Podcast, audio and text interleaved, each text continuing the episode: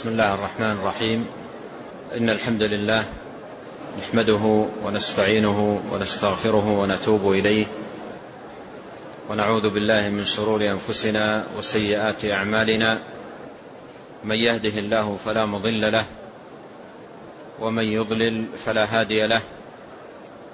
وأشهد أن لا إله إلا الله وحده لا شريك له. وأشهد أن محمدا عبده ورسوله.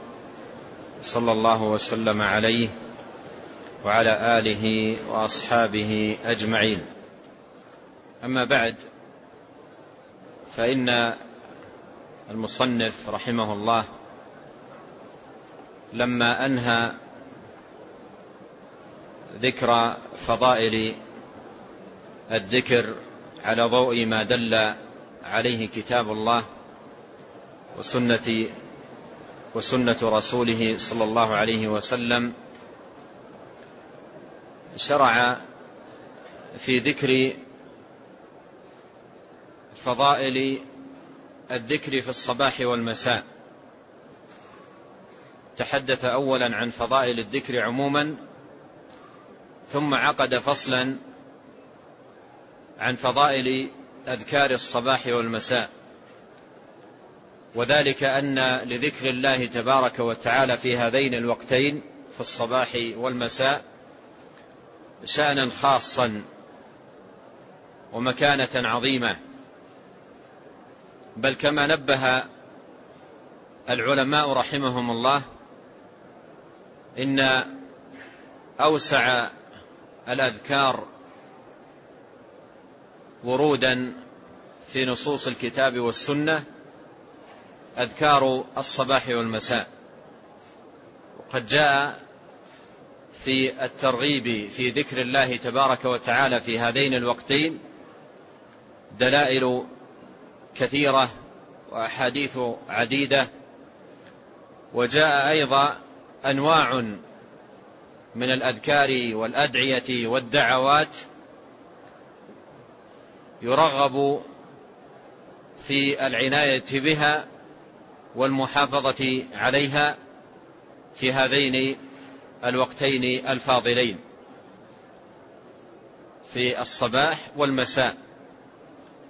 الصباح الذي هو الوقت الذي يسبق طلوع الشمس والمساء الوقت الذي يسبق غروبها قبل طلوع الشمس وقبل الغروب من بعد صلاة الصبح. إلى ما قبل طلوع الشمس ومن بعد صلاة العصر إلى ما قبل غروبها. فهذان وقتان فاضلان لذكر الله تبارك وتعالى وقد جاء في النصوص أنواع كثيرة من الدعوات والأذكار التي يشرع للمسلم أن يقولها في هذين الوقتين الفاضلين. وسنقف في هذا الفصل الذي عقده شيخ الإسلام رحمه الله على جملة من النصوص.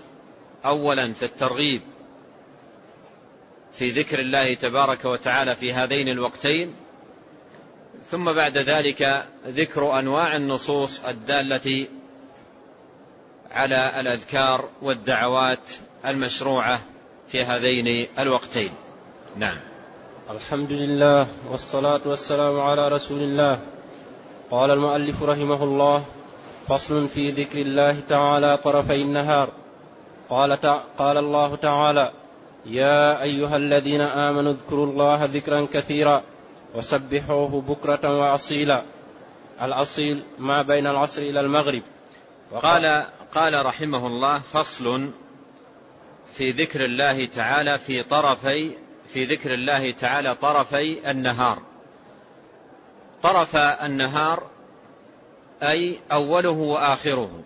أول النهار وآخر النهار. يقال لهما طرف النهار. أي أول النهار وآخر النهار. ما يبدأ به النهار وما يختم. وأول النهار هو الوقت الذي يسبق طلوع الشمس.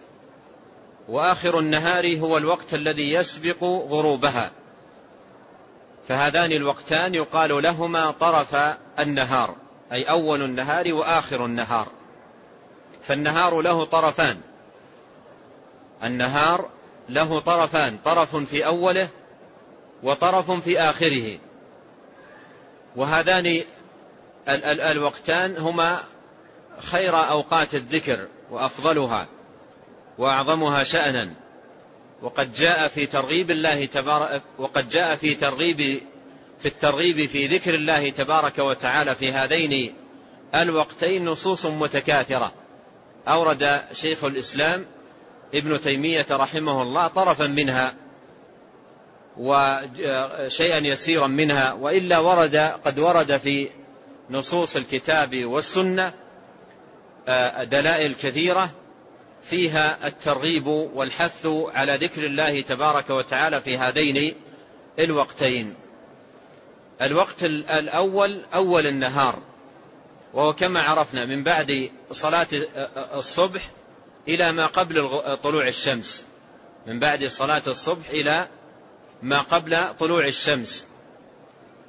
ولو أن الإنسان عرض له عارض أو حصل له صارف فلم يتهيأ له الذكر في هذا الوقت فلا بأس أن يأتي بهذه الأذكار ولو بعد طلوع الشمس. ولو بعد طلوع الشمس. فالذي ينبغي عليه أن يأتي بها في وقتها. أن يأتي بها في وقتها.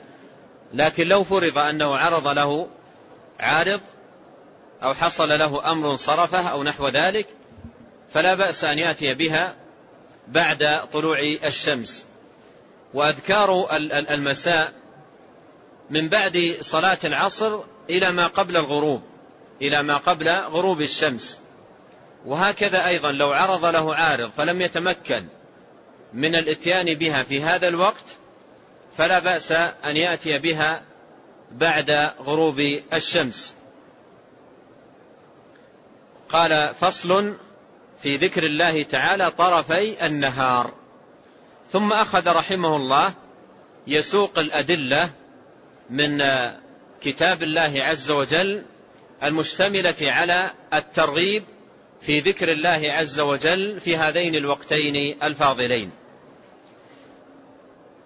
بدأ أولا بقول الله سبحانه وتعالى يا أيها الذين آمنوا اذكروا الله ذكرا كثيرا وسبحوه بكرة وأصيلا. هذه الآية مرت معنا في أوائل الكتاب لما فيها من الحث على ذكر الله تبارك وتعالى. وأوردها مرة ثانية هنا لأن فيها التنصيص على هذين الوقتين. لأن فيها التنصيص على هذين الوقتين. وذلك في قوله وسبحوه بكرة وأصيلا. وسبحوه بكرة. والبكرة هي أول النهار الذي هو البكور. الذي قال عنه النبي عليه الصلاة والسلام في حديثه الصحيح بورك لأمتي في بكورها. فالبكور هو أول النهار وأول النهار وبدايته. وشأن أول النهار شأن عظيم لأنه مفتاح اليوم وبداية اليوم. وما يكون من الإنسان في أول نهاره ما يكون من الإنسان في أول نهاره ينسحب على بقية النهار. مثل ما قال بعض العلماء قال أول النهار شبابه. أول النهار شبابه وآخر النهار شيخوخته. ومن شب على شيء شاب عليه. ومن شب على شيء شاب عليه. يعني الذي يكون عليه الإنسان في الصباح الباكر هو الذي يكون عليه طيلة اليوم إلى نهايته. فما يكون في أول النهار ينسحب على بقية اليوم. إن نشاطا فنشاط وإن كسلا فكسل. إذا كان في أول النهار خمولا كسولا فاترا فإن هذا ينسحب على بقية يومه. ولهذا جاء في الحديث وإلا أصبح خبيث النفس كسلانا. هكذا يصبح شأنه. وإذا كان في أول النهار في, في همة وفي نشاط وفي آه، جد واجتهاد ونصح للنفس ومحافظة على الأذكار فإن هذا ينسحب على بقية اليوم. ولهذا أحد السلف قال قديما كلمة جميلة جدا في, في, في, في التنويه بأهمية أول اليوم ومكانته. قال أحد السلف يومك مثل جملك. يومك مثل جملك. إن أمسكت أوله تبعك آخره. إن أمسكت أوله تبعك آخره. يعني إذا أمسكت أول اليوم. إذا أمسكت أول اليوم تبعك آخر اليوم. وإذا ضيع الإنسان أول اليوم الذي وقت البركة والبكور والفضيلة وحلول الأرزاق فإن يومه يضيع. فإن يومه يضيع. وما كان منه في بكوره ينسحب على بقية يومه. ولهذا كان متأكدا على المسلم ألا يضيع هذا اليوم ألا يضيع أول اليوم بالخمول والكسل والفتور. وما كان السلف يعرفون النوم بعد الفجر. ما كانوا يعرفون النوم بعد صلاة الفجر. حتى يقول ابن القيم لو كانوا في سفر طول الليل وفي عناء وفي شدة لا ينامون بعد الفجر. ينتظرون حتى تطلع الشمس ثم ينامون. كل ذلك محافظة على هذا الوقت الفاضل الذي هو من بعد صلاة الفجر إلى ما قبل طلوع الشمس. هذا وقت مبارك ووقت فاضل ووقت ذكر لله تبارك وتعالى. وما كان السلف رحمهم الله يقضونه في نوم أو في كسل أو في فتور. أو نحو ذلك وإنما كانوا يحافظون فيه على الأذكار ذكر الله ولا سيما التسبيح ونحو ذلك من الأذكار التي آه، وردت آه، في الشرع وستأتي أو يأتي معنا جملة طيبة منها في هذا الكتاب. وقد جاء في صحيح مسلم عن أبي وائل شقيق بن سلمة يقول صلينا الصبح ثم ذهبنا إلى ابن مسعود ذهبوا إليه في بيته لزيارته. قال واستأذنا في الدخول طلبنا الإذن في الدخول فاستأذنت لنا الجارية فأذن لنا في الدخول. أذن لنا ابن مسعود أن ندخل ولكننا انتظرنا قليلا يعني بعد الإذن انتظروا قليلا ثم دخلوا. فلما دخلوا على ابن مسعود قال ما لكم يعني تأخرتم في الدخول وقد أذن لكم. قال قلنا ظننا أن أحدا من أهل البيت نائم فانتظرنا قليل يعني انتظروا قليل حتى يرتب لهم الطريق. قالوا خشينا أن أو ظننا أن أحدا نائم فانتظرنا قليلا. فقال رضي الله عنه أظننتم بآل ابن عبد غفلة ابن أم عبد غفلة؟ أظننتم بآل ابن أم عبد غفلة؟ يعني هل ظننتم عندنا غفلة؟ معنى ذلك أن ما أحد ينام عندهم في هذا الوقت لا هو ولا أولاده. لا, لا يعرف النوم عندهم في في هذا الوقت. قال أظننتم بآل ابن أم عبد غفلة؟ ثم أخذ يسبح. أخذ يسبح إلى أن قال للجارية انظري أطلعت الشمس؟ فنظرت قالت لم تطلع. قال فأخذ يسبح. ثم قال للجارية انظري أطلعت الشمس؟ قالت نعم. قال الحمد لله. قال كلمة عجيبة. قال الحمد لله الذي أقالنا يومنا هذا ولم يهلكنا بذنوبنا. انتبهوا للكلمة. قال الحمد لله الذي أقالنا يومنا هذا ولم يهلكنا بذنوبنا. عندما قال ابن مسعود رضي الله عنه الحمد لله الذي أقالنا يومنا هذا ولم يهلكنا بذنوبنا. هل اليوم انتهى؟ هل اليوم انتهى أو لا زال في أوله؟ لاحظ معي الآن مجرد ما طلعت الشمس وهو على التسبيح يسبح الله حمد الله بهذه الصيغة. قال الحمد لله الذي أقالنا يومنا هذا. اليوم بقي أكثر. ما زال في أول اليوم. فلماذا قال ابن مسعود رضي الله عنه الحمد لله الذي أقالنا يومنا هذا؟ لماذا قال هذه الكلمة؟ أظن الجواب معروف لدينا أجمعين لأن من حفظ أول اليوم حفظ له اليوم كله. ولهذا قال في مجرد ما أنه حفظ أول اليوم بالذكر والتسبيح إلى أن طلعت الشمس حمد الله بهذه الصيغة قال الحمد لله الذي أقالنا يومنا هذا مع أن اليوم ما زال بقي آه، آه، آه، وقتا طويلا بقي الضحى وبقي الظهر وبقي العصر بقي وقت طويل جدا ما مضى من اليوم إلا جزء يسير جدا ومع ذلك يقول الحمد لله الذي أقالنا يومنا هذا ولم يهلكنا بذنوبنا. هذا نأخذ منه فائدة جليلة مهمة أن من حفظ أول اليوم حفظ له باقيه من سلم له أول يومه سلم له بقية يومه. وهذا هو سر محافظة السلف رحمهم الله على أول اليوم وعدم إضاعته. السلف رحمهم الله عرفوا قيمة أول اليوم فكان لهم معه شأن. والناس في الأوقات المتأخرة والأزمنة المتأخرة لم يعرفوا قيمة هذا الوقت فكان لهم معه شأن آخر. ربما أن أفضل أوقات النوم عند كثير من الناس في هذا الزمان بعد الفجر.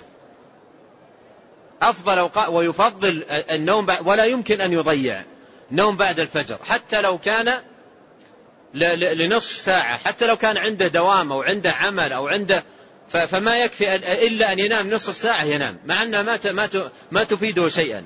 ترخي جسمه وتضعف بدنه ولا تعطيه نشاطا. ولا ولا يترتب عليها له فائدة. بل تسبب له ارتخاء وفتورا وكسلا. ومع ذلك تجده لا يفرط فيها. مع أن الأصل أن هذا الوقت يحفظ في, في ذكر الله تبارك وتعالى. فالشاهد أن السلف رحمهم الله عرفوا قيمة هذا الوقت الفاضل وعرفوا مكانته عرفوا منزلته فكانوا يحفظونه بذكر الله تبارك وتعالى. من هنا نقول ينبغي علينا جميعا أن نتعلم الأذكار المشروعة المأثورة الثابتة عن رسولنا عليه الصلاة والسلام والتي يستحب لنا أن نقولها في الصباح الباكر ونعود أنفسنا عليها. ونعود أنفسنا عليها كل يوم. حتى يصبح هذا أمرا معتادا مألوفا للإنسان لا يستطيع أن ينفك عنه. ولا يستطيع أن أن يتركه. يعود نفسه على ذلك ويداوم عليه فيكون بذلك من المحافظين على الذكر على ذكر الله تبارك وتعالى في أول النهار. وهكذا أيضا في آخر النهار. وهو الوقت الذي بعد صلاة العصر إلى قبل غروب الشمس أيضا له أذكاره المشروعة في سنة النبي الكريم عليه الصلاة والسلام وسنقف بإذن الله تبارك وتعالى على جملة منها. أورد قول الله تعالى يا أيها الذين آمنوا اذكروا الله ذكرا كثيرا وسبحوه بكرة. بكرة أي أول النهار وأصيلا قال شيخ الإسلام الأصيل ما بين العصر إلى المغرب. الأصيل ما بين العصر إلى المغرب يعني من بعد صلاة العصر إلى ما قبل الغروب. هذا الوقت يقال له الأصيل.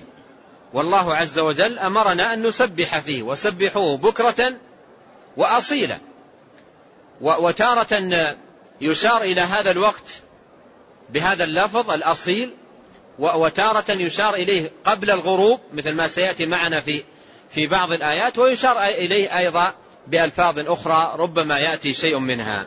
قال رحمه الله وقال تعالى واذكر ربك في نفسك تضرعا وخيفة ودون الجهر من القول بالغدو والآصال ولا تكن من الغافلين. كذلك هذه الآية الكريمة سبق أن مرت معنا في فضل الذكر والترغيب فيه. وعرفنا أن هذه الآية جمع فيها بين الأمر بالذكر والنهي عن ضده. جمع فيها بين الأمر بالذكر وهو في أولها واذكر ربك والنهي عن ضده وهو في آخرها ولا تكن من الغافلين. واشتملت في الوقت نفسه على جملة طيبة من آداب الذكر ينبغي أن نتعلمها ولنقف عليها واحدا واحدا. الأدب الأول في قوله واذكر ربك في نفسك. واذكر ربك في نفسك. فمن آداب الذكر إخفاؤه. من آداب الذكر إخفاؤه. وأن يكون ذكرك لله تبارك وتعالى في نفسك. يعني تخفيه. لا, لا, لا تحاول أن تظهره للناس أو, أو أن تبديه للناس. وإنما هو ذكر عبادة منك لله تبارك وتعالى بينك وبين الله تخفيه وليس المراد بإخفائه ليس المراد بقوله في نفسك أن يكون الذكر في القلب فقط ليس هذا المراد.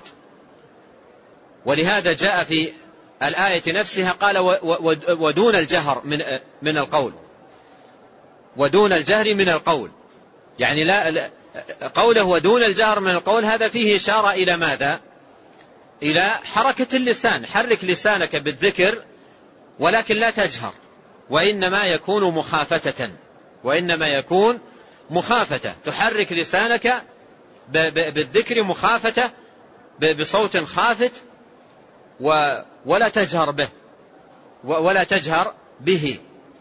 فهذا من آداب الذكر أن يكون في نفسك مخافتة.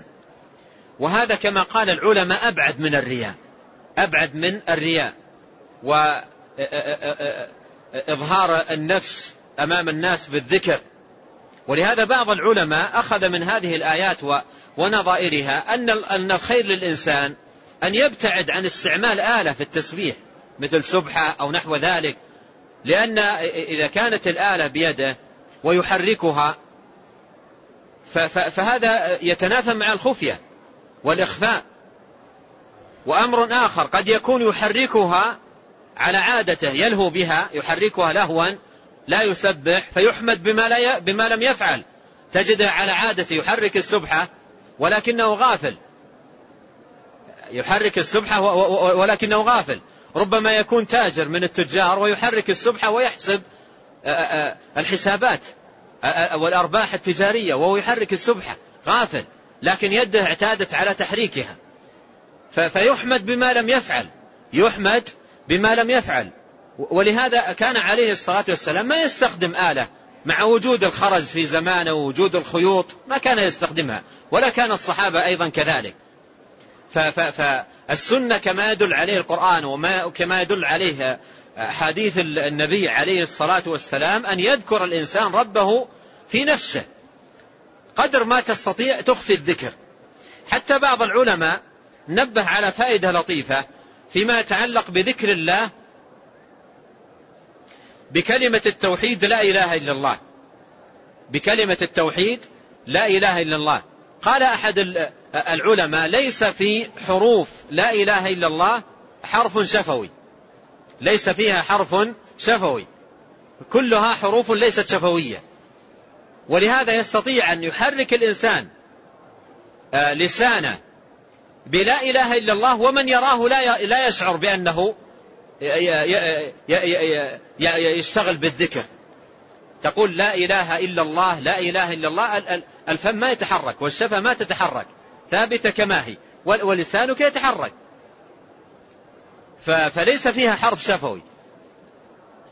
فهذا كله آه، فيما يتعلق بإخفاء الذكر وأهميته وكان أن, أن أفضل ألفاظ الذكر وأعظم ألفاظ الذكر شأنا وهي كلمة التوحيد تستطيع أن تحرك لسانك بها ما شئت ومن عندك لا يشعر بك. على كل حال ينبغي مراعاة هذا الأدب. قال سبحانه وتعالى واذكر ربك في نفسك. واذكر ربك في نفسك. يعني لا يشعر أحد بك. لا يشعر بك أحد. واذكر ربك في نفسك. لكن لو استخدم الإنسان آلة من حوله شعروا به. وقالوا هذا يسبح. وإن كان يحرك الآلة بيده ولا يسبح هذه مصيبة ثانية. يحمد بما لم يفعل. يظن أنه يسبح وهو ليس مسبحا. فعلى كل حال الله جل وعلا يقول واذكر ربك في نفسك تضرعا. والتضرع هذا فيه الإلحاح والمداومة والاستمرار على ذكر الله تبارك وتعالى وهو من الآداب المهمة التي ينبغي مراعاتها. وخيفة أي اذكر ربك على سبيل الخيفة وهي الخوف. تذكر الله وأنت خائف. خائف من ماذا؟ يبين لك هذا الأمر قول الله سبحانه وتعالى والذين يؤتون ما آتوا وقلوبهم وقلوبهم وجلة أي خائفة. يؤتون ما آتوا أي يقدمون ما يقدمون من أذكار وصلوات ودعوات وصيام وحج وغير ذلك وقلوبهم ماذا؟ وجلة أي خائفة. خائفة أن لا يقبل منهم. خائفة أن لا يقبل منهم. مثل ما بين ذلك النبي عليه الصلاة والسلام لما سألته أم المؤمنين عائشة قالت يا رسول الله هل المراد بالآية الرجل يزني ويسرق ويقتل ويخاف أن يعذب؟ قال لا يا ابنة الصديق. ولكنه الرجل يصلي ويصوم ويتصدق ويخاف أن لا يقبل. إذا قلوبهم وجلة خائفة خيفة يعني يخاف أن لا يقبل منه. يخاف أن, لا أن يرد عليه العمل. المؤمن يحسن ويخاف والمنافق يسيء وهو آمن. المنافق يسيء وهو آمن. والمؤمن يحسن ويخاف. قال الحسن البصري رحمه الله جمع المؤمن بين إحسان ومخافة وجمع المنافق بين إساءة وأمن. يسيء وهو آمن. والمؤمن يحسن في طاعاته وعباداته وهو خائف. يقول عبد الله بن أبي مليكة وهو من التابعين أدركت أكثر من ثلاثين صحابيا كلهم يخاف النفاق على نفسه. كلهم يخاف النفاق على نفسه. فالشاهد أن المسلم يعتني بالأذكار ويهتم بها ويكون خائفا. خائفا. وفي الوقت نفسه أيضا راجيا. يرجو رحمة الله تبارك وتعالى ويطمع في فضله وثوابه وعظيم نواله. قال ودون الجهر من القول عرفنا من من من, من هذه من هذا الجزء من الآية مشروعية تحريك اللسان. والعلماء يقولون أفضل الذكر أفضل الذكر ما كان بالقلب واللسان معا. ثم يليه ذكر القلب ثم يليه ذكر اللسان. كما ذكر هذه المراتب ابن القيم رحمه الله في كتابه الوابل الصيب. فهي ثلاثة مراتب. أفضلها أن تجمع بين القلب واللسان كما هو واضح في هذه الآية. واذكر ربك في نفسك. ثم قال ودون الجهر من القول. قوله ودون الجهر من القول فيه إشارة إلى حركة اللسان بالذكر ولكن بدون ماذا؟ بدون رفع صوت. ولهذا الصحابة رضي الله عنهم أنكروا الذكر الجماعي. الذكر الجماعي يتنافى مع قوله ودون الجهر من القول. الصحابة أنكروا الذكر الجماعي. يعني أن يجتمع جماعة ثم بصوت واحد يكبرون أو بصوت واحد يهللون أو بصوت واحد يسبحون أو نحو ذلك. هذا أنكره الصحابة.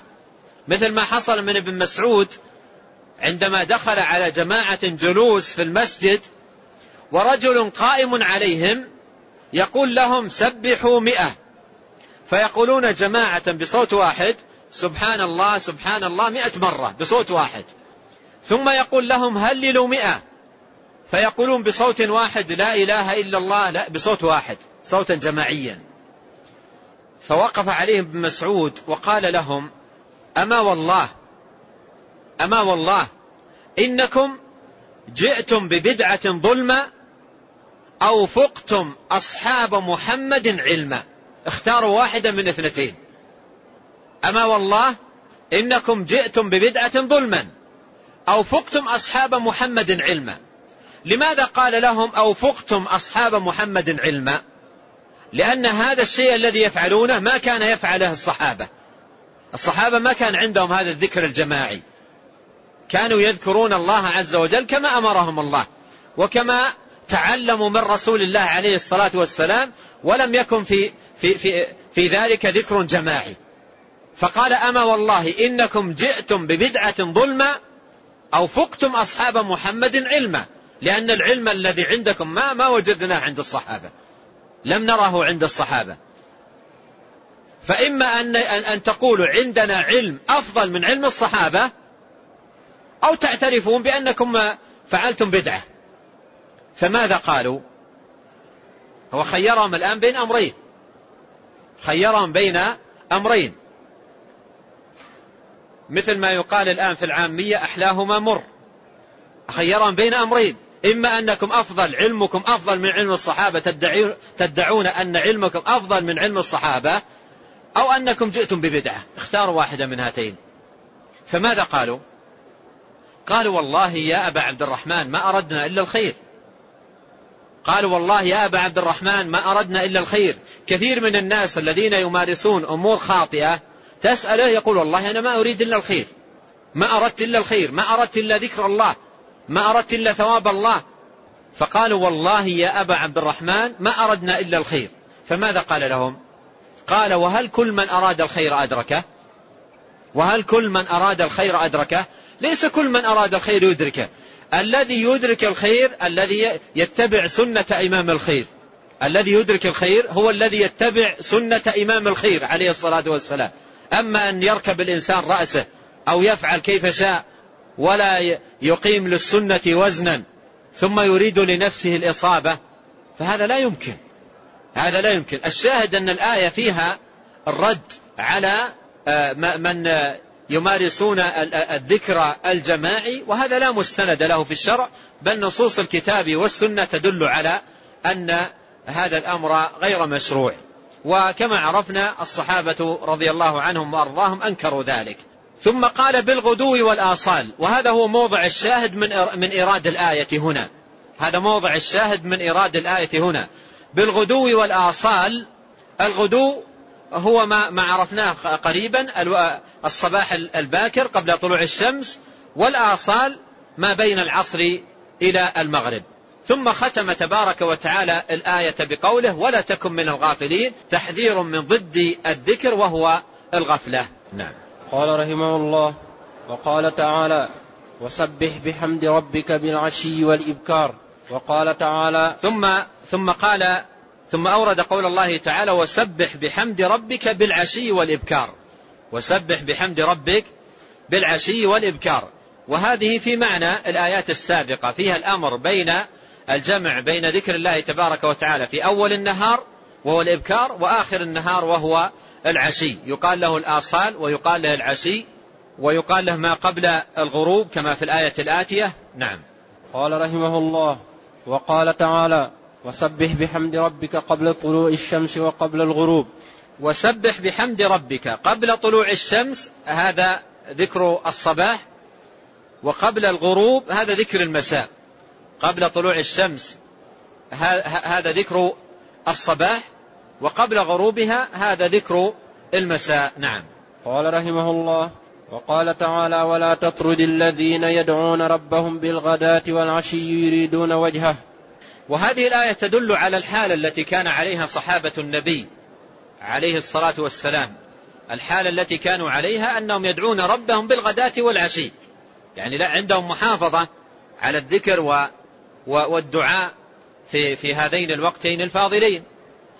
والآية نزلت في في كان نفر من المشركين استهانوا بأصحاب محمد عليه الصلاة والسلام وقالوا أصحابه فلان وفلان وفلان ولو, ولو أبعد هؤلاء عنه لكنا معه أو نحو ذلك. فقال الله سبحانه وتعالى ولا تطرد الذين يدعون ربهم بالغداة والعشي يريدون وجهه يعني يفعلون هذه الأفعال يطلبون بها وجه الله سبحانه وتعالى. الشاهد من الآية أن فيها دلالة لحال الصحابة وأنهم رضي الله عنهم وأرضاهم لديهم محافظة وعناية ورعاية بذكر الله تبارك وتعالى في هذين الوقتين الفاضلين الغداة والعشي. وفي قوله تعالى يريدون وجهه تنبيه على الإخلاص في تنبيه على الإخلاص. وابتغاء وجه الله بالعمل وأن الذاكر إن لم يكن مخلصا في ذكره لربه مبتغيا به وجهه لا يقبله الله منه. حتى لو ذكر الله عز وجل بأعداد لا تحصى وبأرقام لا تستقصى ما يقبلها الله منه إن لم يكن يبتغي بها وجه الله سبحانه وتعالى. ولهذا جاء في الحديث القدسي أن رب العالمين قال أنا أغنى الشركاء عن الشرك. من عمل عملا أشرك معي فيه غيري تركته وشركه. فهو سبحانه وتعالى لا يقبل من العمل إلا الخالص. والخالص هو الذي يبتغى به وجه الله تبارك وتعالى. قال رحمه الله وقال تعالى فأوحى إليهم أن سبحوا بكرة وعشيا فأوحى إليهم أي زكريا أوحى إليهم يعني إلى قومه أي أشار إليهم لأنه جعل الله عز وجل له آية وهي أن لا يكلم الناس ثلاث ليال سوية ففي في تلك أو في ذلك الوقت أوحى إليهم أي أشار إليهم. الإيحاء المراد به هنا الإشارة. فأوحى إليهم أن سبحوا بكرة وعشية. نستفيد من هذه الآية أن هذه شريعة عند الأنبياء المحافظة على ذكر الله تبارك وتعالى أول النهار وآخر النهار. هذه شريعة وسنة ماضية عند الأنبياء ونبي الله زكريا كما في هذه الآية أوحى إلى قومه أي أشار إلى قومه أن سبحوا أي الله جل وعلا بكرة وعشيا والبكر أول النهار والعشي, والعشي آخره. قال رحمه الله وقال تعالى ومن الليل فسبحه وإدبار النجوم. ومن الليل فسبحه وإدبار النجوم. ومن الليل فسبحه وإدبار النجوم. فيه الأمر بتسبيح الله تبارك وتعالى في هذا الوقت. قال ومن الليل. ومن الليل أي جزء من من الليل سبح فيه الله جل وعلا. وإدبار النجوم أي الوقت الذي تدبر فيه النجوم وهو آخر الليل. الوقت الذي تدبر فيه النجوم وهو آخر الليل. نعم. قال رحمه الله وقال تعالى فسبحان الله حين تمسون وحين تصبحون. قال فسبحان الله حين تمسون وحين, تصبح وحين تصبحون. أيضا فيها ذكر هذين الوقتين للتسبيح ولذكر الله تبارك وتعالى في الصباح والمساء. حين تمسون وحين تصبحون. أي أول النهار وآخر النهار. نعم. قال رحمه الله وقال تعالى وأقم الصلاة طرفي النهار وزلفا من الليل. إن الحسنات يذهبن السيئات. ثم ختم بهذه الآية الكريمة وفيها التنصيص على طرفي النهار. قال وأقم الصلاة طرفي النهار. طرفي النهار. وإقام الصلاة أي الصلاة المعروفة ثم ما يستتبع ذلك من ذكر لله تبارك وتعالى في هذين الوقتين. أقم الصلاة طرفي النهار يعني الصلاة في أول النهار وفي آخر النهار. في أول النهار صلاة الفجر وآخر النهار صلاة العصر وهي الصلاة التي قبل الغروب قبل غروب الشمس وما يتبع الصلاتين من وقت فاضل لذكر الله تبارك وتعالى إلى ما قبل طلوع الشمس في أول النهار وإلى ما قبل غروبها في آخره. وزلفا من الليل أي ساعات من الليل أي ساعات من الليل ووقت من الليل. إن الحسنات يذهبن السيئات. وهذا فيه ثواب ذكر الله تبارك وتعالى وما يترتب عليه من الآثار. قال إن الحسنات يذهبن السيئات أي أن هذه حسنات عظيمة وطاعات جليلة يترتب عليها إذهاب السيئات وتكفير السيئات. وقد مر معنا أحاديث عن النبي صلى الله عليه وسلم بهذا المعنى. قال رحمه الله وقال أبو هريرة رضي الله عنه قال النبي صلى الله عليه وسلم من قال حين يصبح وحين يمسي سبحان الله وبحمده مئة مرة لم يأت أحد يوم القيامة بأفضل مما جاء به إلا أحد قال مثل ما قال أو زاد عليه خرجه مسلم. لما أنهى المصنف رحمة الله عليه ذكر الأدلة من القرآن الكريم الدالة على الترغيب في ذكر الله تبارك وتعالى في هذين الوقتين الفاضلين شرع بإيراد النصوص آه، آه، آه، الدالة على أنواع الأذكار التي تقال فيها في, في هذين الوقتين. شرع في إيراد النصوص الدالة على أنواع الأذكار التي تقال في هذين الوقتين الفاضلين. وبدأ أول ما بدأ بالتسبيح. بدأ أول ما بدأ بالتسبيح. ولعل السبب في ذلك هو أن أكثر النصوص فيها التنصيص على التسبيح بحمد الله. مثل ما مر معنا في آيات كثيرة. وسبحوه بكرة وأصيلا. وسبح بحمد ربك قبل طلوع الشمس وقبل الغروب. أن سبحوا بكرة وعشيا. فسبحان الله حين تمسون وحين تصبحون. فالتسبيح نص عليه في آه، نصوص كثيرة. ولعله لأجل ذلك بدأ المصنف به رحمه الله فأورد حديث أبي هريرة عن النبي صلى الله عليه وسلم أنه قال من قال حين يصبح وحين يمسي سبحان الله وبحمده مئة مرة. يعني في الصباح يقول سبحان الله وبحمده مئة مرة وفي المساء أيضا يقول سبحان الله وبحمده مئة مرة. تسبيح بحمد الله تبارك وتعالى في أول النهار مئة مرة ثم مثل ذلك في آخر النهار. قال من قال حين يصبح وحين يمسي سبحان الله وبحمده مئة مرة لم يأتي أحد يوم القيامة بأفضل مما جاء به.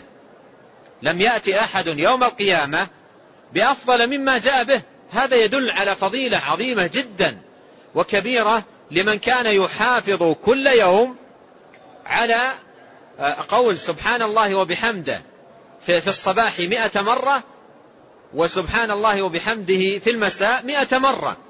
فمن جاء يوم القيامة محافظا على هذه المحافظة كل يوم على هذا الذكر فإنه لا يأتي يوم القيامة أحد بأفضل مما جاء به.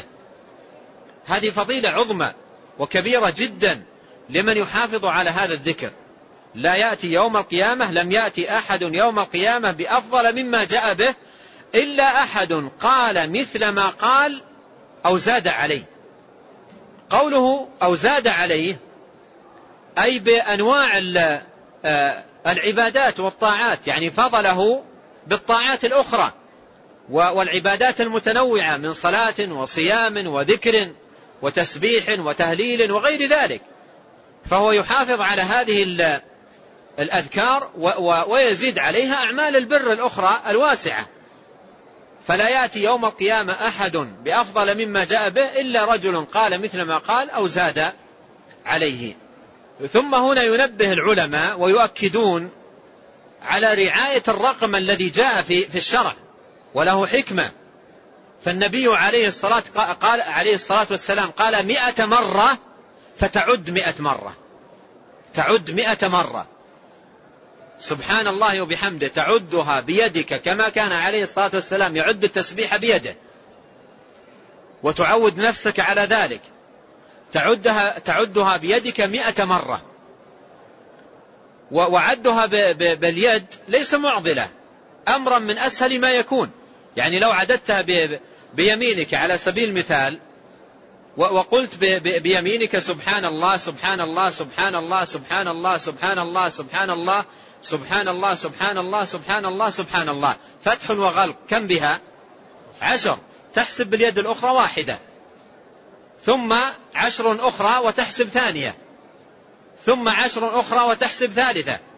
إلى أن يتم في يدك عشر فتمت مئة. ليست عملية يعني معضلة أو صعبة أو شاقة أو, أو يقع فيها خطأ. مسألة سهلة جدا. ولا تحتاج لا, لا لآلة ولا لسبحة ولا لخرز ولا أن نجمع أمامنا نوى أو حصى ما يحتاج الأمر. الأمر سهل و و ونعد بيدنا كما كان نبينا عليه الصلاة والسلام يعد بيده. يقول أنس أو غيره من الصحابة رأيت النبي صلى الله عليه وسلم يعقد التسبيح بيده أو بيمينه. فهذه السنة. يعقدها بيده وهي مسألة سهلة جدا ويسيرة وليس فيها شطط ولا مشقة وليست بمعضلة. قال من قال حين يصبح وحين يمسي سبحان الله وبحمده مئة مرة لم يأتي أحد يوم القيامة بأفضل منه. نبهت هنا على على رعاية هذا العدد والشارع له حكمة في هذا العدد. فنعد مئة. إذا ختمت المئة إذا ختمت المئة وأكملتها وأنت لا تزال ترغب في التسبيح والتهليل والتذكير هل تمنع من ذلك؟ الباب مفتوح. أمامك الباب مفتوح للذكر المطلق.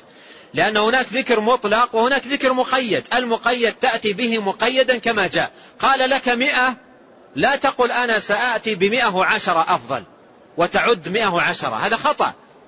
الشارع لما نص على المئة له حكمة في ذلك. ولما نص على ثلاث وثلاثين تكبيرة وتسبيحة وتحميدة أدبار الصلوات له حكمة في ذلك. فتأتي بها كما جاءت. ثم إذا كانت, إذا كانت عندك بعد ذلك رغبة في الزيادة فباب الذكر المطلق مفتوح. سبح ما شئت وهلل ما شئت واحمد ما شئت واذكر الله سبحانه وتعالى بما شرع ما شئت الباب مفتوح. لكن لا تقل ابتداء أنا سأعد مئة وخمسين كل يوم أو أعد مئة وعشرين مئة ما تكفيني. هذا من الخطأ. التزم بالمشروع ثم بعد ذلك أذكر الله عز, آه، عز وجل الذكر المطلق بما شئت. فهذا أمر ننتبه له. أمر ثاني أيضا ننتبه له عندما نأتي بهذا التسبيح. أن نأتي به ونحن نستشعر معناه. يعني لا, لا نتعامل مع هذه الأذكار كألفاظ مجردة. نرددها بألسنتنا دون أن نستحضر معانيها وأن نقف مع دلالاتها. والذي ينبغي وهو خير الذكر أن يكون ذكرك لله بقلبك ولسانك. لسانك يسبح بحمد الله وقلبك يقدس وينزه ويثني على الله. فتجمع بين الذكر بالقلب واللسان. باللسان تقديسا وتنزيها وثناء وتعظيما لله تبارك وتعالى بالقلب وباللسان آه، تسبيحا وتحميدا سبحان الله وبحمده. فلا يكون تعاملك مع هذه الأذكار تعاملا مع ألفاظ دون استشعار للمعاني والدلالات. قال رحمه الله وخرج أيضا عن عبد الله بن مسعود رضي الله عنه قال كان كان نبي الله صلى الله عليه وسلم إذا أمسى قال أمسينا وأمسى الملك لله والحمد لله لا إله إلا الله وحده لا شريك له له الملك وله الحمد وهو على كل شيء قدير. رب أسألك خير ما في هذه الليلة وخير ما بعدها وأعوذ بك من شر ما في هذه الليلة وشر ما بعدها, ما بعدها. رب أعوذ بك من الكسل وسوء الكبر. رب أعوذ بك من عذاب في النار وعذاب في القبر. وإذا أصبح قال ذلك أيضا أصبحنا وأصبح الملك لله. ثم أورد المصنف رحمه الله حديث عبد الله بن مسعود رضي الله عنه في هذا الذكر الذي كان يواظب عليه نبينا صلى الله عليه وسلم كل يوم في الصباح والمساء. يقوله في الصباح ويقوله في المساء. يقول ابن مسعود رضي الله عنه كان نبي كان نبي الله صلى الله عليه وسلم إذا أمسى. إذا أمسى يعني إذا دخل وقت المساء. إذا دخل وقت المساء. وقوله في آخره وإذا أصبح يعني إذا دخل وقت الصباح. ووقت آه، الصباح عرفناه ووقت المساء يعني أذكار المساء أيضا عرفناه. فكان عليه الصلاة والسلام. إذا أمسى يأتي بهذا الذكر المبارك. يقول أمسينا وأمسى الملك لله. أمسينا أي نحن. دخلنا في المساء. أمسينا أي دخلنا في هذا الوقت وقت المساء. وهنا تستشعر نعمة الله عليك بأنك أمسيت. أمسيت بصحة وبعافية. أمسيت بنعمة من الله تبارك وتعالى. فتستشعر منة الله عليك. أناس كانوا معك في هذا اليوم ولم يدركوا المساء. فأنت أمسيت من الله عليك بالمساء. ويسر لك أن تمسي. بصحة وبعافية فأنت تثني على الله و و و وتقر بنعمة الله عليك. تقول أمسينا يعني بفضل من الله ومن حصل لنا ذلك أمسينا. وأمسى الملك لله يعني وأمسى الملك كائن لله. والملك شأنه كذلك هو كائن لله تبارك وتعالى. والمساء لله والصباح لله والأوقات كلها لله. ولكن قولك وأمسى الملك لله هذا إقرارك. إقرارك أنت وإيمانك بربوبية الله سبحانه وتعالى. وأن الأوقات بيده. يقلب الليل والنهار. فهذا إقرارك أنت. وإلا المساء لله والصباح لله والأوقات كلها له سبحانه وتعالى. لكن قولك هنا وأمسى الملك لله هذا إقرار منك. إقرار منك واعتراف وإيمان بربوبية الله سبحانه وتعالى وتصرفه وأن الأوقات بتصرفه وتدبيره سبحانه وتعالى. أمسينا وأمسى الملك لله والحمد لله. تحمد الله عز وجل. تحمد الله سبحانه وتعالى. وهنا حمدك لله. حمد له سبحانه على ربوبيته لكونه هو المتصرف المدبر الخالق المقلب لليل والنهار تحمده على ذلك. وأيضا تحمد الله على نعمته عليك. أنت حيث من الله عليك بأن أمسيت.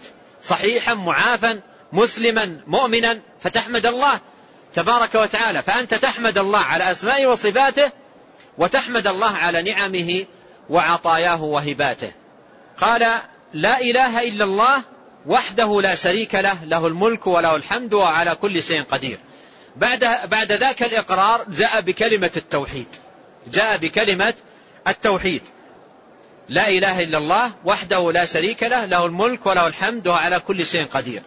وهنا يا إخوان نلاحظ ملاحظة وأود أن ننتبه, أن ننتبه لها. سنلاحظ أن كلمة التوحيد لا إله إلا الله ستمر علينا كثيرا في الأذكار المتنوعة. تجدها لا تفارقك في أكثر الأذكار. وهذا في فائدة, ما في فائدة عظيمة. ما هي؟ أهمية كلمة التوحيد وأنها روح الدين وأساسه ولبه وغاية مقصوده. ولهذا تجدها تتكرر معك كثيرا في الأذكار والدعوات المشروعة في الأذكار في الصباح وفي المساء وفي غير ذلك من الأوقات. لا إله إلا الله وحده لا شريك له له الملك وله الحمد وعلى كل شيء قدير. سبق أن مر معنا قريبا الكلام على معنى هذه الكلمات المباركة. ثم قال ربي أسألك ربي أي يا ربي. يسأل الله ويناديه بربوبيته سبحانه وتعالى. وبدأت المنادات بعد الإقرار السابق وإعلان التوحيد وهذه وسيلة بين يدي المسألة. المسألة هي أسألك خير ما في هذه الليلة. لكن قبل إتيانه بالمسألة جاء بوسيلة مباركة وهي الإقرار بربوبية الله سبحانه وتعالى وتصرفه وإعلان التوحيد له سبحانه وتعالى ثم بعد ذلك بدأ يسأل. قال ربي أسألك أي أطلب منك خير ما في هذه الليلة أي الخير الذي كتبته في هذه الليلة وما سينزل فيها من خيرات وبركات خيرات دنيوية وخيرات دينية. خيرات دنيوية من صحة وعافية وأمن إلى غير ذلك. وخيرات دنيوية من ذكر وعبادة وصلاة وقيام ليل وغير ذلك كله داخل تحت قولك خير ما في هذه الليلة. فأنت تسأل الله عز وجل أن يكتب لك خير ما في هذه الليلة سواء من الخير الديني أو الخير الدنيوي. الخير الديني من عبادة وذكر وقيام ليل وقراءة قرآن وغير ذلك والخير الدنيوي الأمن والعافية والصحة والرزق وغير ذلك. وخير ما بعدها يعني خير ما بعد هذه الليلة من الأوقات الآتية والليالي القادمة. خير ما في هذه الليلة وخير ما بعدها. وأعوذ بك من شر ما في هذه الليلة يعني من شر كتبته في, في تلك الليلة فأن تقيني من ذلك وأن تسلمني منه وأن تعيذني منه. تستعيذ بالله تبارك وتعالى من الشر. الواقع أو النازل أو الكائن في, في تلك الليلة فتسأل الله أن يحفظك وأن يقيك من ذلك. وأعوذ بك من شر ما في هذه الليلة وشر ما بعدها أي من الليالي والأوقات. ربي أعوذ بك من الكسل. ربي أعوذ بك من الكسل وهذا تعوذ بالله تبارك وتعالى من الكسل. والكسل هو عدم النهوض لفعل الأمر النافع مع القدرة عليه. الكسل هو عدم النهوض لفعل الأمر النافع مع القدرة عليه. يعني عنده قدرة ولكنه ما ما يفعل للكسل الذي يخالطه. فالكسل عدم النهوض لفعل الأمر النافع مع مع القدرة عليه. أما إذا كان غير غير قادر على فعل الأمر فهو يسمى ماذا؟ عجزا. وهذا هو الفرق بين العجز والكسل. الكسل أن لا يفعل الإنسان الأمر النافع وهو قادر عليه بسبب الكسل الذي هو فيه. أما إذا كان غير قادر فهذا يسمى عجز. قال أعوذ بك من الكسل. وسوء الكبر أي السوء الذي يلحق كثير من الناس حال كبرهم عندما يهرم الإنسان عندما يرد إلى أرض العمر ففي هذه الحالة حالة يصاب كثير من من الناس فيها بسبب الكبر بسوء في, في كبره فيتعوذ بالله تبارك وتعالى من ذلك. وأعوذ بك من سوء الكبر. يتعوذ بالله من سوء الكبر. يعني إن فسحت في أجلي وأطلت في عمري فأعذني من سوء الكبر. أن أرد إلى أرض العمر يعني ما يحصل للإنسان في حال كبره وضياع عقل بعض الناس وحصول أمور وتصرفات وأعمال تكون منه في سوء الكبر فيتعوذ بالله تبارك وتعالى من ذلك.